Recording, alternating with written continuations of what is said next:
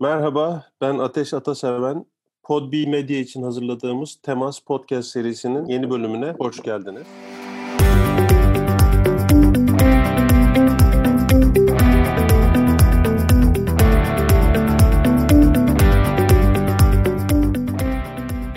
Bu bölümde konuğum sevgili Müge. Merhaba Müge. Merhabalar. Nasılsın? Süper. Bu koşullarda olabildiğimce iyiyim. Hastaneleri ve hastaları düşünerek, şifa dileyerek kendimizi güvende tutmaya çalışıyoruz. Evet. Bu kayıtları yaptığımız süreç korona günleri diyorum ben ona pek çok yerde de öyle görüyorum. Korona günlerinden geçerken gene teknolojiyi kullanarak uzaktan erişimde bu kaydı yapmaya çalışıyoruz. O yüzden kayıtta herhangi bir hatamız olursa baştan affola diyelim dinleyenler için.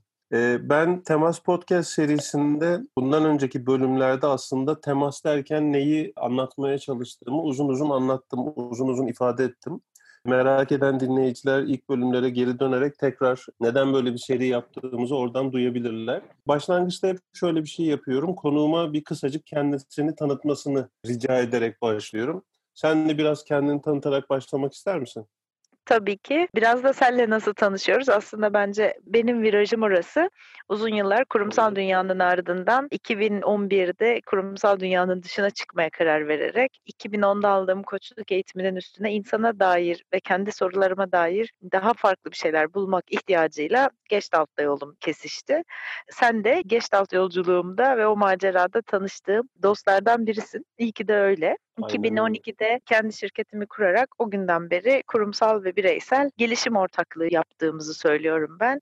O dağında koçluk olan, öğrenme olan, gelişim olan Gestalt ve koçluk metodolojisiyle çalışmalar yapıyoruz. Şimdi aslında senin bir parça akademik geçmişinden de bahsedecek olursak mülkiyelisin. Evet, evet. Değil mi? Aynen. Uluslararası ilişkiler Uluslararası, okulu. aynen, aynen. Diplomat olacağım diye girip yok ya benden diplomat ve devlet memuru olmazmış deyip e ben ne olacağım? Hani diplomamda uluslararası ilişkiler uzmanı yazacak ama bu ne demek, neye çare deyip MBA yapıp mecburen kendini kurumsal dünyaya atmaya çalışanlardan biri olarak başladım. Öyle Evet, bir sonra macera. bir Bilkent'te MBA'in var. Aynen, Ee, aynen. Ondan Sonra sonra bayağı MBA. önemli şirketlerde aslında çalışıyorsun. En uzun çalıştığın kurumsal yer May galiba değil mi? Evet evet defalarca satıldıktan sonra en son 2011'de bu Johnny Walker JMB grubunun satışında hı. yönetici ortaklardan biri olarak dedim ki benim kurumsal dünya ve hani profesyonel kimliğim galiba buraya kadarmış. Bana bana yetti bu kadar deyip masanın öbür tarafına geçme kararı aldım. Satış ve pazarlama aslında senin uzmanlık alanın olmuş değil Evet, mi? evet, Kurumsal evet, evet. Uzun uzun yıllar, evet, uzun yıllar satış yöneticiliği yaptım ve Türkiye dışında farklı ülkelerle, farklı kültürlerle çalıştım. Özellikle belki takip edenler, yaşı tutanlar bilecektir. Tekel sonrası sektörün ilk defa özelleştiği bir alanda ve hani kimsenin bir şey bilmediği, mevzuatın yeniden yapılandırıldığı bir alanda ve Türkiye'nin bence çıkarttığı, çıkartabileceği en büyük, en güçlü sosyal markalarından biri olan Yeni Rakı markasıyla çalıştım. En güçlü diyorum çünkü hani hedef kitlesi o kadar geniş, herkese hitap eden bir marka ki böyle bir markayla çalıştığım için de kendimi çok şanslı hissediyorum. Çünkü o sayede her deliğe girme fırsatı, herkesi tanıma fırsatı ve çok Deneyim. farklı de evet deneyim kazanma fırsatım oldu. Tam da aslında bizim konularımız biraz bunun etrafında şekilleniyor bu podcast serisinde. Üstüne giderek bilinmeyenin yeniye temas etmek, yeniyi deneyimlemek üzerine. Sen de Gestalt altyapısından geldiğin için temasın. Gestalt'i bilen insanlar için anlamı bambaşka tabii.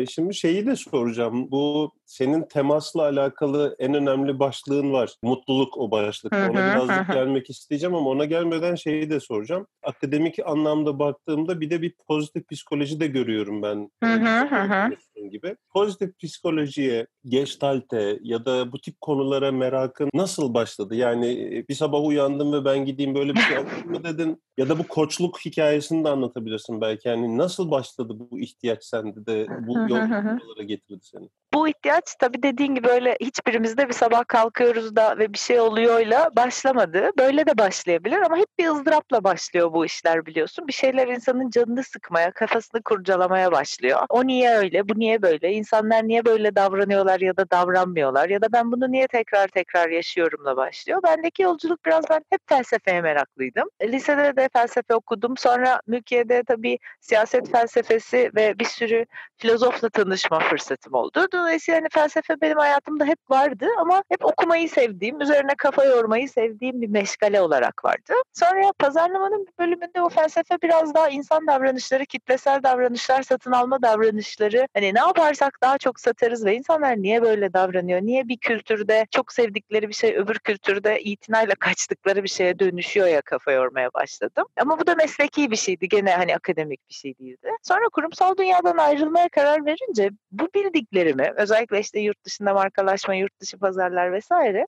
Bunları paketleyebilecek bir metodolojiye ihtiyaç duydum ve dedim ki yani ben bunu kurumlara gittiğimde bir çerçeveyle anlatmam lazım. O noktada koçluk çıktı karşıma. Koçluk yani bu bahsettiğim 10 sene önceki hikaye dolayısıyla ben koçluğun da 10 yılda çok demlendiğini ve çok geliştiğini düşünüyorum. İnsanı hani bizim eksenimizdeki gibi varoluşun her boyutuyla ele alma konusunda çok büyüdüğünü düşünüyorum. O da insanın diğer boyutlarıyla temas etti bence. Daha bilişte takılıyken. Dolayısıyla koçlukla tanıştıktan sonra insanı daha da merak merak etmeye başladım. Hani bilmeye başladıkça ne kadar bilmediğini anlayıp vay be ben hiçbir şey bilmiyormuşum aşamasına geliyorsun.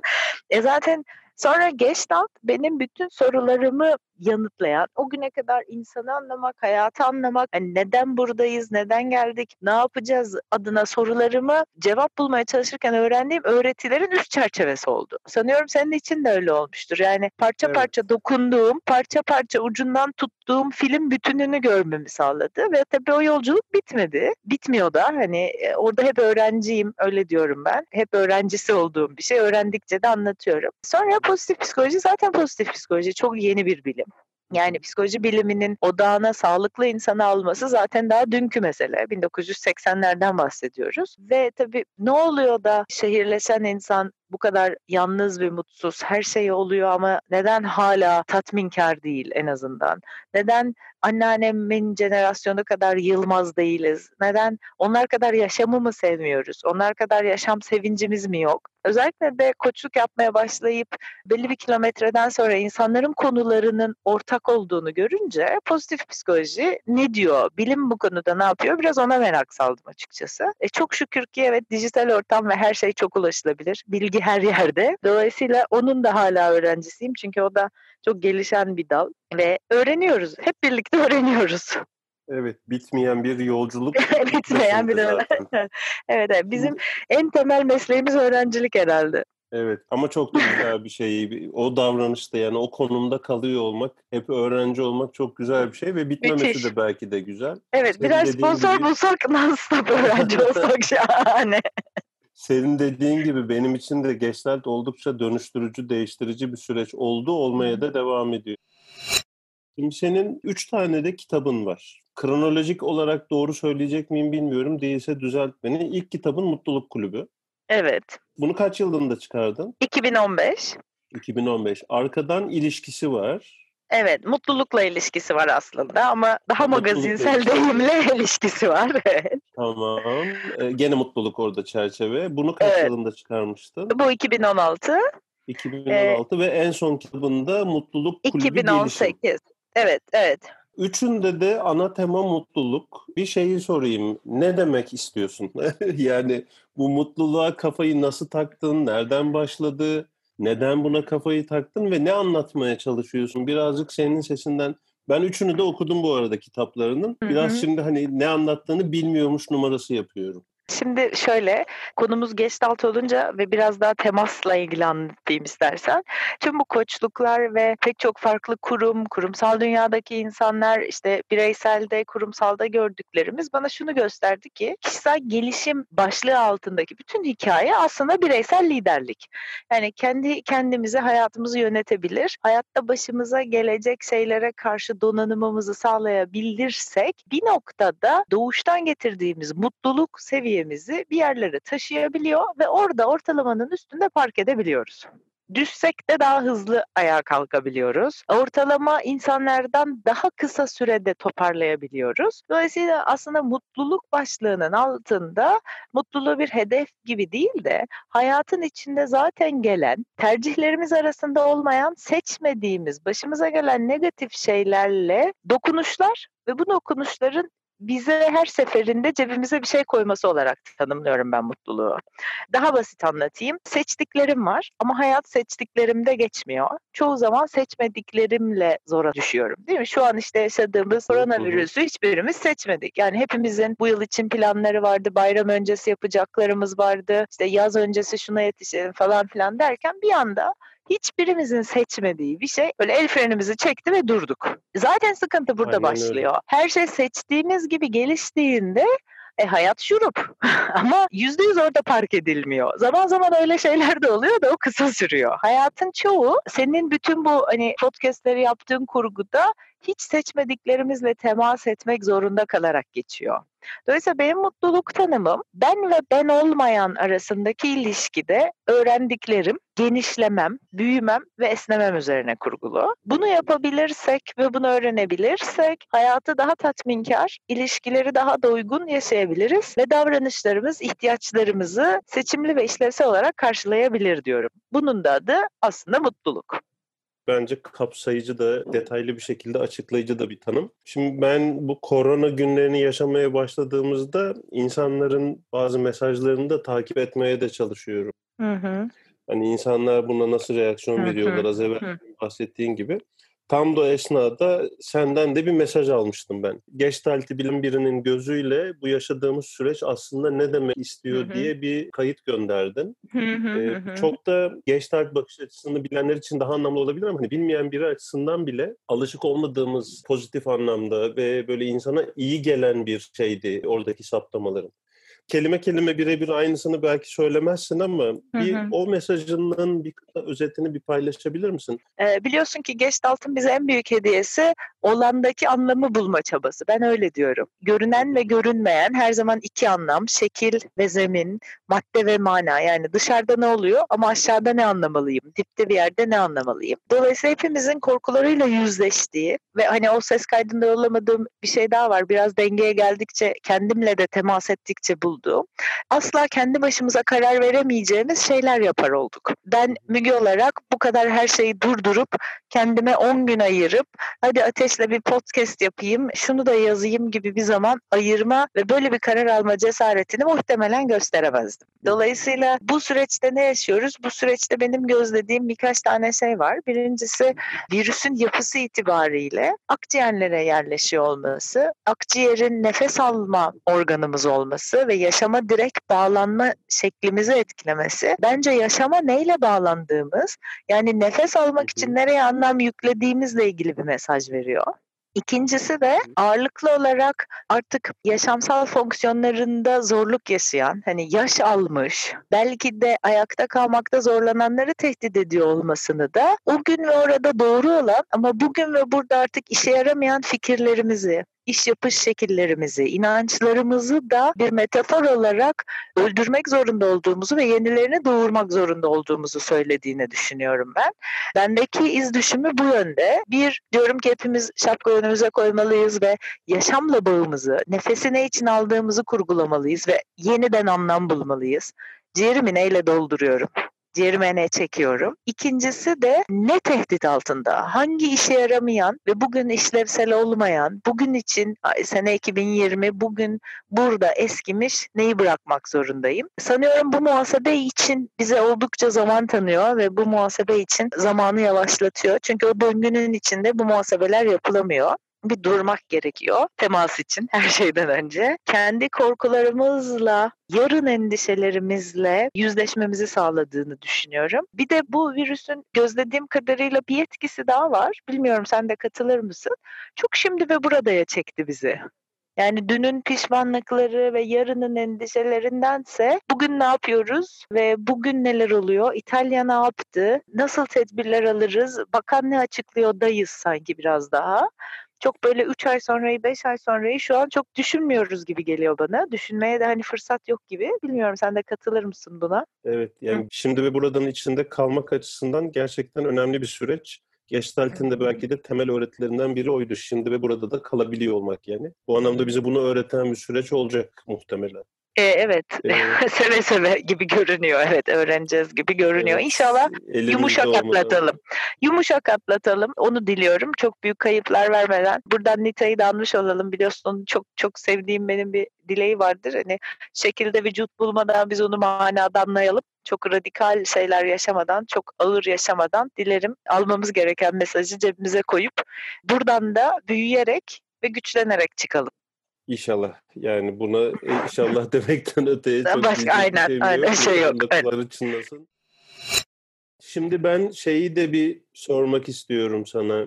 Bu mutluluğa birazcık geri döneceğim. Hı hı. Zorluk yaşadığında, sadece bu koronayı kastetmiyorum. Genel olarak hayatta böyle bir zorluk yaşadığında, yeniye temas etmekte zorlandığında, konfor alanını terk etmekte hafif bocaladığında gücünü nereden alıyorsun ve devam edebiliyorsun? Şimdi herkesin beslendiği yer farklı. Ben biraz meraktan besleniyorum. Bu da gelişen bir şey. Hani ilk başlarda olduğu kadar artık zor gelmiyor ama tabii ki hala zorlayan, zorlayıcı gelen şeyler var. Ben biraz akılla yani açıklamayla, anlamla beslenen biriyim. Dolayısıyla yaşadığım şeye anlam verdiğimde ya da bunun içinde benim için yeni bir anlam gizli olduğunu her seferinde kendime hatırlattığımda bir keşfe çıkıyorum. Acaba bu süreçte benim için ne var? Yeni ne var? Şey gibi çoğu zaman konfor alanından çıkmadığımız şeyler hiç tatmadığımız bir meyve gibi. Bana öyle geliyor. Yani tatmadan sevip sevmediğimi bilemem. Dolayısıyla bir tadayım Sevmezsem yemek zorunda hala kalacak mıyım ona bakarım. Aslında çoğu zaman da yemek zorunda değiliz. Sadece öyle olduğumuza inanıyoruz. Dolayısıyla farklı şeyleri deneyimlemek konusunda merakla besleniyorum. Kocaman bir soru işareti olarak bakıp burada beni büyütecek bir şey olduğuna bir kere yüzde yüz inanıyorum. Bu bana çok iyi geliyor. Hiçbir şeyin sadece ve sadece bana ızdırap olsun ya da beni zorlasın diye yaşanmadığına inanıyorum. Dolayısıyla bu inançlar sistemi beni çok çabuk ayağa kaldırıyor. Peki planladığın gibi gitmediğinde yani sen belli bir tevekkülle yaklaşıyorsun anladım. Büyük bir merakla hı hı. yaklaşıyorsun anladım. E, ama hı. senin de canını sıkan, senin de zorlandığın, senin de motivasyonun düştüğü dönemler oluyordur. Hı hı hı, Oralarda tekrar yeniden ayağa kalkarken enerjini nasıl topluyorsun?